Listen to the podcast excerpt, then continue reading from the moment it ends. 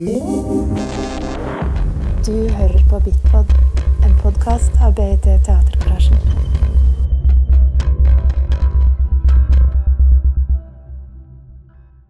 Welcome to uh, BET Teatergarasjen on tour in Bergen, as usual. Um, and Regnbue bonus. Uh, we're very happy to have uh, Mikael Hertzberg um, with us today. Um, you're going to talk about quite a heavy topic, um, um, but uh, I find it very. Um, I mean, it's an it's an important topic to be aware of, and uh, that's why we're going to give it some attention for 30 minutes or so. Now, everyone, feel free to take the word uh, and join in the conversation.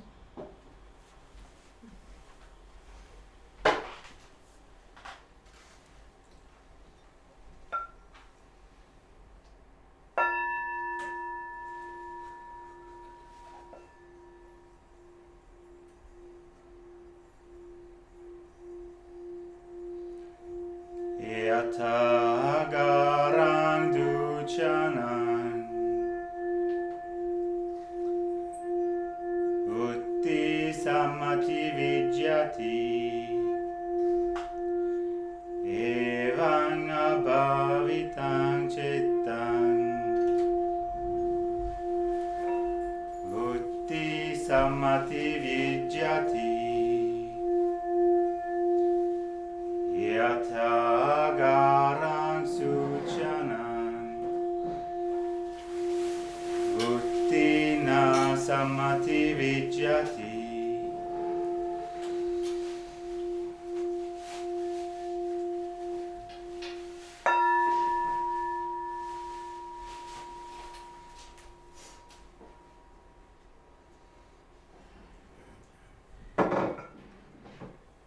like to begin with this introduction because one, it gives me a reason to sing Pali, and two, it gives me the reason to explain why I actually know Pali and why I actually do know to sing Pali.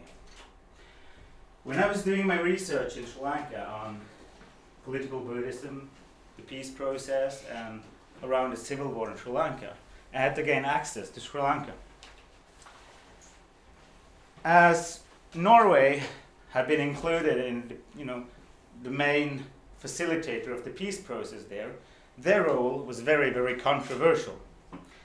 So for me to come there to Sri Lanka to study the most controversial topic, political Buddhism in the country, Buddhist monks having militant tendencies, I could not I could not apply for a visa like that. You know, I'm I'm gonna you know study the most controversial topic of all topics. No, no, no, they wouldn't let me in. So I had to find a way that I can apply and I can be there, you know, with a fair conscience. So I applied as a language scholar to come there to study language, to study Sinhalese, to make me make interviews with the monks, but also to learn Pali, which is like the enchanted language of Buddha, where all the Buddhist texts are on. I thought that would enable me to read all the historical texts, but it eventually, the whole course was about singing and singing and more singing. So, this is my gift for you for all the singing I've done in Sri Lanka to be able to study a very controversial topic. Question two Why do I start with Sri Lanka when I'm going to talk about nuclear weapons? Because Sri Lanka has absolutely no role in the whole process of nuclear weapons at all. I'll try to explain that. Because one of the reasons why I've been doing studies in Sri Lanka and have my interest for Sri Lanka is Norway's role there as a facilitator of the peace. Um, while I was there, they launched a report, actually from CMI, where I did my, my, uh, my PhD, called The Pawns of Peace a pawn is that little little you know bunda in schack. the little pawn there. Trying to say that the whole peace negotiation in Sri Lanka was like a chessboard, full of different rules. you had the king, you had the queen. All of these were in. And Norway's role, despite being the main facilitator for the peace situation there, was to be a pawn. That little figure on the board. But as we know, especially in Norway now, when Carlsen is, is doing his whole chess tournament, we know that the pawn is just not a pawn. It could be a very decisive element on that chessboard. So, having that knowledge and viewing Norway's role within that peace situation in Sri Lanka, I'm trying to bridge and discuss some of those learning of how the geopolitical situation can be understand, understood in a larger canvas of the issue of nuclear disarmament. Of course, the civil war in Sri Lanka ranged around 30 years, from, 2000, no, from 1983 to 2009. And of course, you would never think of the, the whole conflict in Sri Lanka as geopolitical. And when I was there, and this, this report was actually launched in Norway while I was doing my fieldwork in Sri Lanka. So I got all the first hand experiences from that report. And one of the main findings was that Mr. Solheim, who has been the key figure in Norway, before every visit to Sri Lanka, before going down and doing the actual negotiation, he stopped in New Delhi to have all his questions, the whole process, affirmed by India. So he knew that any process in Sri Lanka would not go through without the acknowledgement of India, of that geopolitical ambitions of that great nation just north of Sri Lanka. Further on, we now see UK as being one of the main partners there, as being one of the colonizers. They have a very nice embassy, nice stonework, nice windows, not very accessible. And while I was there, two other nations were granted permission to build their own embassies just beside the UK embassy. Those were China and Russia. Their plans to build huge embassies, putting the UK embassy in the shadows. So here we see that many, many geopolitical actors have taken interest in this small little country of Sri Lanka. And what I think comes into mind here is to think about globalization, not from the view of Norway, because we're usually talking about this okay, we have Norway, we have the West, we have the rest, we have US, you know, NATO and all these things. From Sri Lanka, globalization looks a bit different. Of course, they have the West, which is for them like the rest. They have Saudi Arabia, they have India, they have Pakistan, they have China, they have Russia, they have Japan. And all these whole conglomeration of, nation, uh, conglomeration of nations are all on that chessboard of discussing geopolitical issues. So, if you go back there to discuss nuclear disarmament, we can begin with the first historical document the non, uh, non-proliferation treaty map. The non-proliferation treaty is a, uh, is a deal struck in 1968 between almost all nations in the world, where they acknowledged five nuclear states. That was US, France, Russia, China, and I think UK. Uh, the deal there was that all those countries should commit to disarmament of the nuclear weapons and that none other nations should start to, to either develop or buy nuclear weapons from those states already possessing them. Um, as we can see, more players have added to that map now you see that Israel, we are assuming that they have uh, nuclear weapons, but we are not sure, and we don't have verification on it. I'm going to talk a little bit more about India and Pakistan from 1998 and how they perceived. They now have nuclear arms. And North Korea, who withdrew from the treaty in 2003. If you're going on the map here, we can see more of the nations and where the numbers of the actual weapons are placed. And as we can see, it's almost entirely put on two nations Russia and US. The rest of the countries have a fair amount, but not comparable to the others. They have China, France, UK, they have an estimate in Israel, India, and Pakistan. We can discuss what you can make of this. Many would make, of course, that the two key actors to discuss nuclear disarmament is, of course, US and Russia.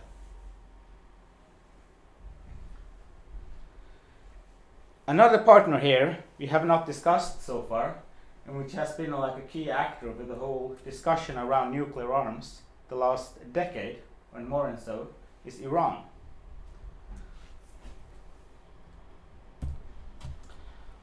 I think I'll go further to India and Pakistan.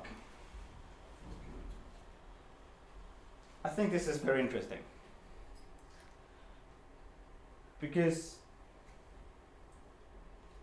India in 1998, just a couple of months after the BJP party rose to power, the BJP party is a very nationalistic, religious nationalistic party in India.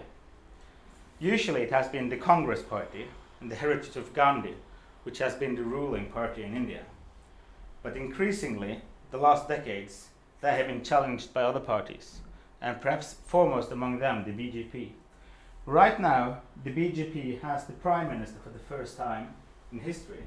His name is Narendra Modi, and he is the Indian equivalent of Donald Trump. There are quite a lot of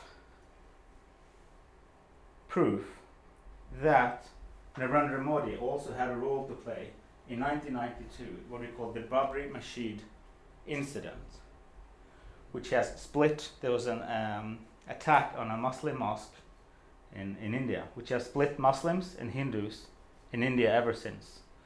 So he's a very polarizing figure and a very provocative figure. However, in 1998, when BJP rose to power, one of the first things they did was to test the atomic bomb in the little place of Pokhran. It wasn't the first test. The first test was in 1974. But from 1974 until 1998, they didn't do any tests. And what happened in 1998? Yes, of course, it was seen as a provocation to Pakistan. And Pakistan did the same. So it became a very, very tense relationship. Pakistan, as you probably know, was part of India until 1947 when they had a partition. And they have a very, very tense relations with that ever since. And more or less they've been in war over a glacier in the, in the Himalayas. A very, very hostile environment where they have placed troops. They're fighting each other on a like minimum level. More soldiers are dying of the harsh conditions there, but they're keeping this animosity going. But my question is how do India and Pakistan perceive nuclear weapons?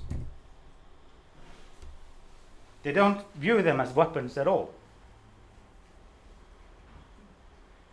In fact, no argument in 1998 stated that the purpose of the weapons they were not to be actually to be used. That was not the purpose at all. They were saying that nuclear weapons are the currency of global power. If we want to be a significant player on that chessboard, we need nuclear weapons. So it's not about military purposes at all. It's about prestige, it's about status, it's about your position on that board, it's about your position on that geopolitical map.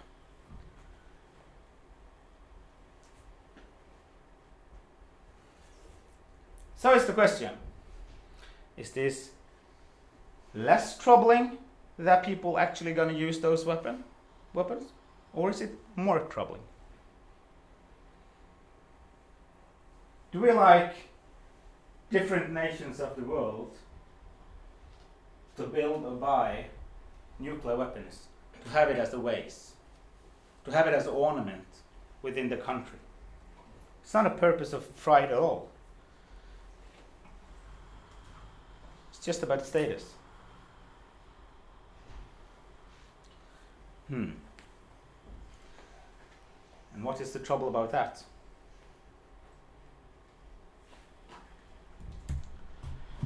I'm stop there and jump a little bit further to discuss not nuclear arms, but nuclear energy.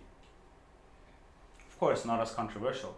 We're not going into that discussion at all, but as a movie later tonight, we'll discuss nuclear energy. I'm going to touch a bit about, about it and bring myself back into the picture. Here we can see the different nuclear power reactors in the world. Of course, we can see more or less four places where they are, are significant. In the Europe, of course, in the US, and um, Russia, more and more in India, but especially in Japan. This is a bit striking because you all know Japan's relation to the atomic bomb. This is a bit strange because you would imagine that Japan, of all countries, struck at Hiroshima and Nagasaki, would not have nuclear power. Perhaps you've seen this. This is another incident of a nuclear leak, this time in the generator Fukushima in Japan in 2011. It's a much more recent episode than that of Chernobyl. Here you can see the pollution. This is actually the good news. Because the reason for that pollution is that the engineers of that facilities had to use seawater to cool down the reactor. If they didn't use seawater, the whole reactor would have exploded, and perhaps it would say bye bye Tokyo. So instead, they took the risk of using seawater but not knowing what to do with it afterwards. So a lot of the water used to cool down the reactor actually went out back in the sea. So I'm not going to discuss radioactive waste anymore, but we can go back to Japan. We can go back to what we call the Hibakusha, and we can go back to an organization called the SGI or the Soka International. As I told you, Japan is the only country in the world that actually has suffered from the atomic bomb. Huge civilian losses, cities, you know. We don't need to go into that even. The question is what is, what is Japan's role around nuclear weapons? It's very, very ambivalent. Actually, already in the 1950s, it became so important for the US to make Japan adopt nuclear energy that they've been helping them setting up a lot of the power plants. Among them, the Fukushima, which now had this very, very serious incident. And it became very important for the US that Japan should have what we called close relationship with nuclear power. However, what we do see in Japan even though the government is not on the front line for a, for a campaign to abolish nuclear weapons, we see that the civil society are really active. One is the Hibakusha, that are the survivors of the atomic bomb. I met them here in Bergen several times. They often come with a cruise ship called the Peace Boat, where they have a, a, chorus on English, reading, reading Gandhi and reading all these, these traditional peace heroes they bring these hibakusha around the world to discuss the nuclear threat. My reason into this is that when I was finished with my dissertation about militant monks in Sri Lanka and how they've been destabilizing the peace in Sri Lanka, I got a phone from a friend in Oslo. He said, Hey, Michael, I'm going to Paris to meet some Buddhists. They're going to make peace in the world. You want to come? Yeah, sure. I have nothing to do. And so we went there. We met an organization called the Soka Gakkai International. They are the largest lay Buddhist organization in the world, meaning that they do not have monks. And one of their prime objectives is stated clearly to do peace activism. And perhaps the foremost issue within this peace activism is to bring about the elimination of nuclear arms. My role in this was that they wanted to bring a huge exhibition around nuclear arms to Bergen, of all cities to Bergen. Now wanted me to be, be, you know, their local person here in Bergen to facilitate everything around it and make a seminar of it. And it was very, very important for them that this should be in Norway. This exhibition going around from, from Geneva, Paris, Singapore, Cairo, Washington, Brasilia. The reason for that was this. While we were working with this exhibition in Norway, they could visit us because they were in Geneva working in the open ended working group, which is like a coalition of civil society actors working to make a new initiative for like a, a legal proposal to ban nuclear weapons. Actually, the start of this process came about in Oslo in 2013. So it started in Norway. But Norway has pulled out of it and are no longer an active part. But it's so important for the Japanese Soka Gakkai movement to bring Norway back into that chessboard, back in to play that chess, to play the disarmament game. They actually spent 300,000 in Bergen just to see just a little tiny drop to make that happen. Because they see Norway as a key player within this. It's later going to Mexico and it's going to Vienna in Austria. And the result of this is that proposal to have a new, new, new, uh, a new ban with three elements. Those three elements are always included in a way, but they are trying to make it stricter. It's the elimination of nuclear arms, it's the verification of it, and it's the monitoring of those same weapons. Now, in the end of October, there was a vote for this in the UN. And the vote was not about the ban per se, it was about UN starting an initiative, starting a process, starting negotiation about the ban in 2017. And who would commit to that and who would not? In total, 123 countries supported, 32 objected, and 16 abstained. But the voting is a bit interesting. Of course, you can say some of the usual suspects voted against the ban Russia, US, the NATO powers, among them Norway.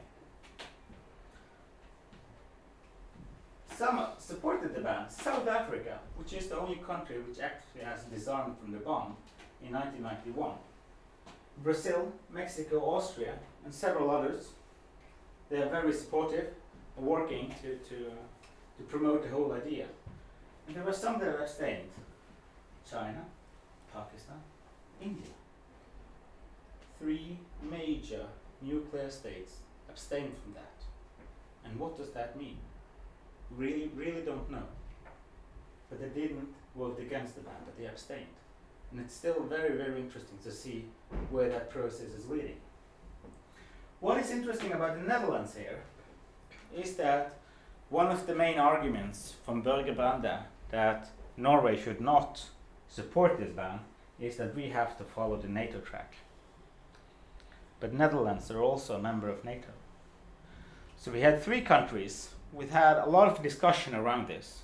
Norway was one of them. The other was Belgium, and the third was Netherlands, where all you know the population was clearly supportive of a ban, but Netherlands abstained the vote. None else did.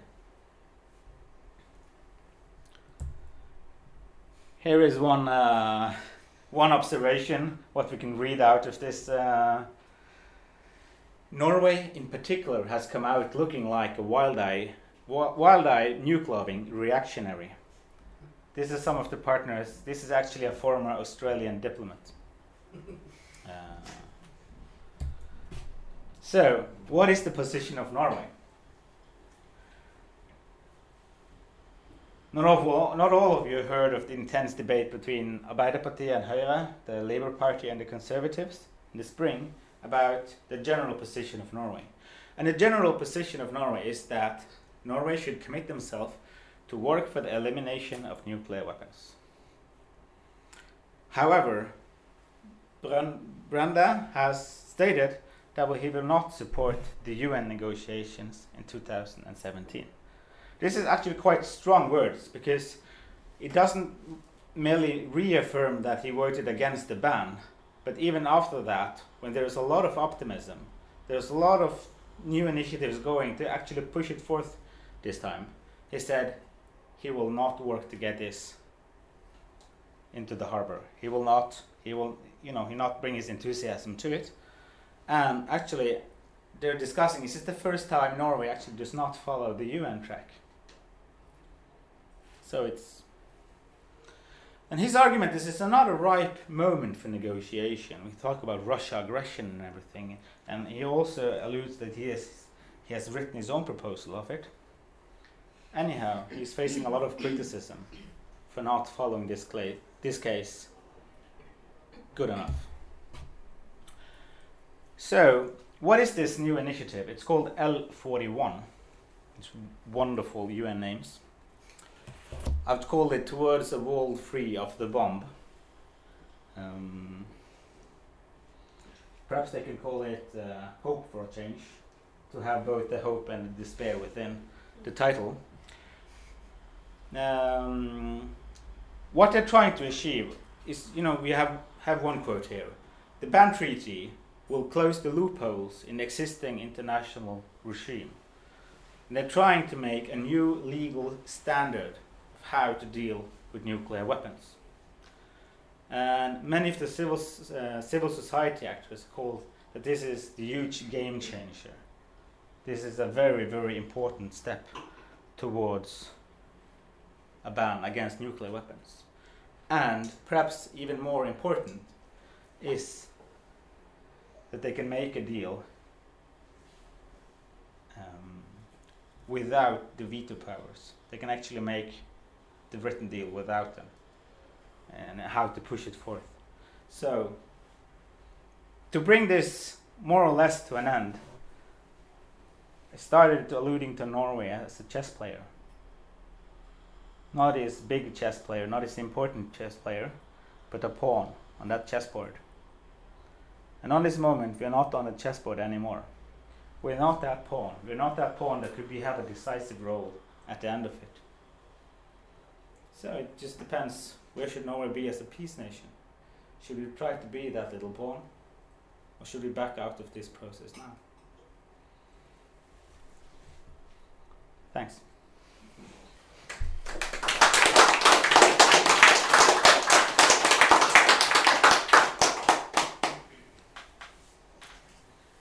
Thank you.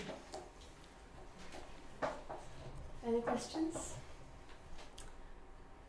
One of the last things you said was that it was possible to make a deal without the veto nations. Yeah. Uh, how would that work?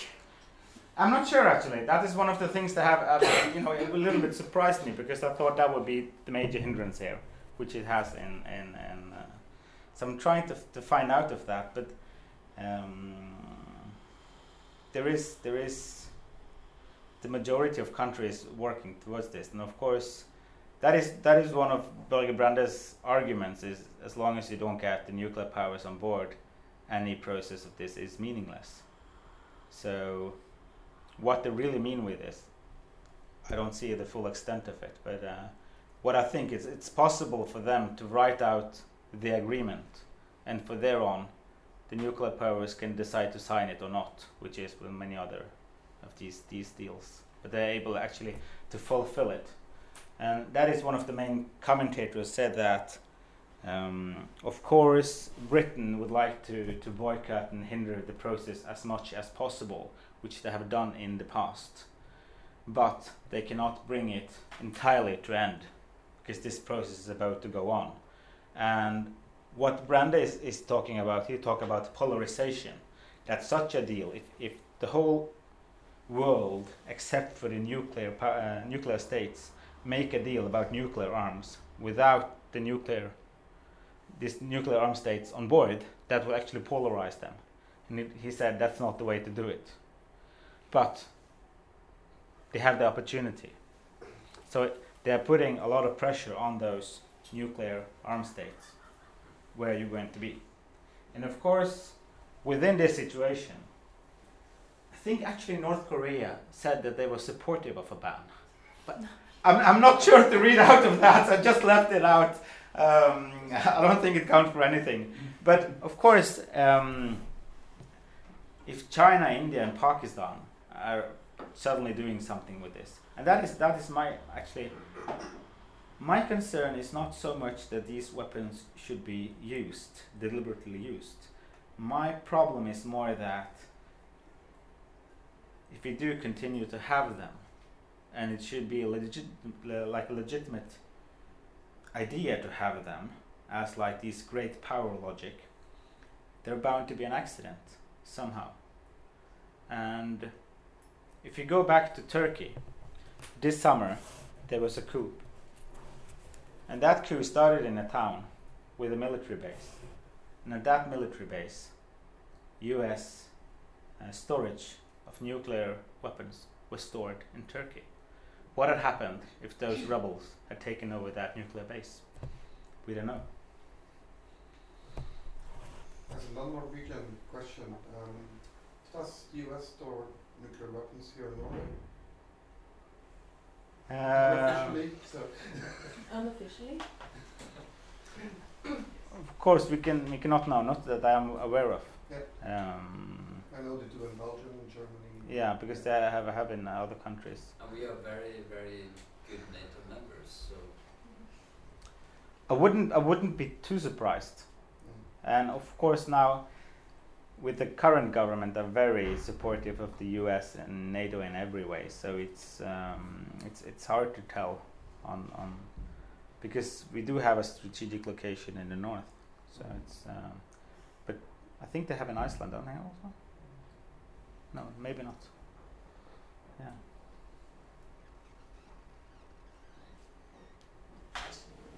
I, I think we need uh, time for a break. Thank you.